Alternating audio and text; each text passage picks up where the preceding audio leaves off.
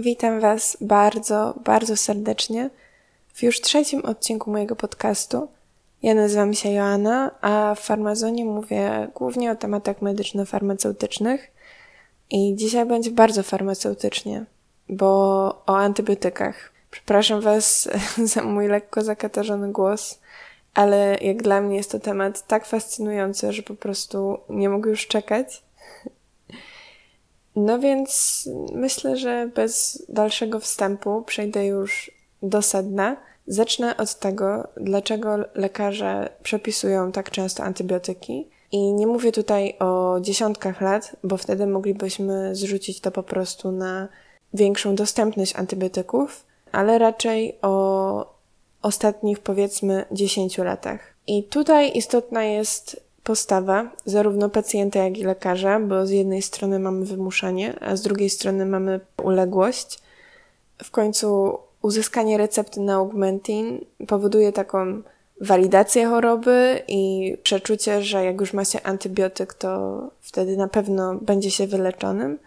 No i jeśli jest to grypa albo przeziębienie, to żadna kuracja antybiotykiem nie pomoże, bo są to infekcje wirusowe. Zresztą na grypę możemy się zaszczepić e, najczęściej raz w roku i wtedy szczepimy się co rok. Antybiotyki mogą pomóc wtedy, kiedy po zakończeniu takiej infekcji wirusowej dochodzi do osłabienia organizmu i również wtedy właśnie pojawia się infekcja bakteryjna. Istnieją dwa typy terapii, jakimi może kierować się lekarz w takich przypadkach.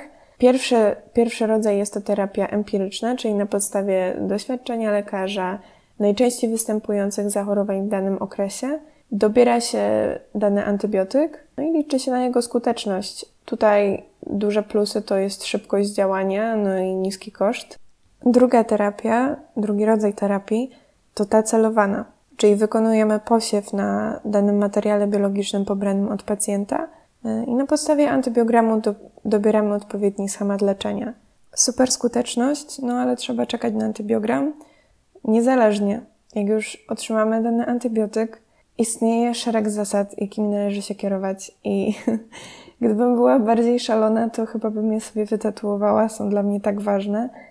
Zawsze przyjmujemy dawkę do końca, nawet jeżeli nie obserwujemy skuteczności, chyba że wcześniej zgłosimy się do lekarza i on zadecyduje inaczej.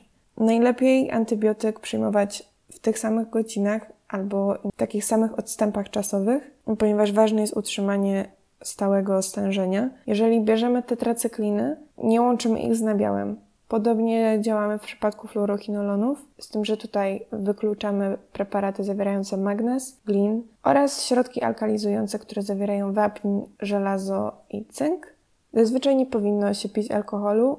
Tutaj odsyłam do ulotki. Nie przyjmujemy leków osłonowych, czy generalnie preparatów zawierających szczepy pałeczek kwasu mlekowego razem z antybiotykiem. To jest kompletnie bez sensu, bo wtedy probiotyk ulega ekspozycji na działanie antybiotyku. Należy odczekać przynajmniej kilka godzin. Zresztą, co fajne, to probiotykiem może być kefir. Narodowy Program Ochrony Antybiotyków w ogóle nie zaleca rutynowego przyjmowania probiotyków. Jedynie w przypadku wystąpienia biegunki przy poprzedniej, poprzedniej antybiotykoterapii, biegunki, która jest wywołana Clostridium difficile, aż kusi mnie, żeby wspomnieć tutaj o niszach bakteryjnych, ale odpuszczę sobie w tym odcinku. Poza tym nie przyjmujemy antybiotyków razem z witaminami.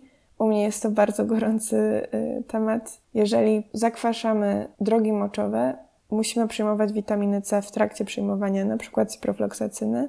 Nie przyjmujemy jej razem z antybiotykiem, tylko także w pewnym odstępie czasu. Myślę, że tyle już starczy. Dziękuję jak zwykle za wysłuchanie i morał jest taki, żeby, że antybiotyki są super i żeby je brać rozważnie i zgodnie z zaleceniami lekarza, jak bardzo nudnie to brzmi.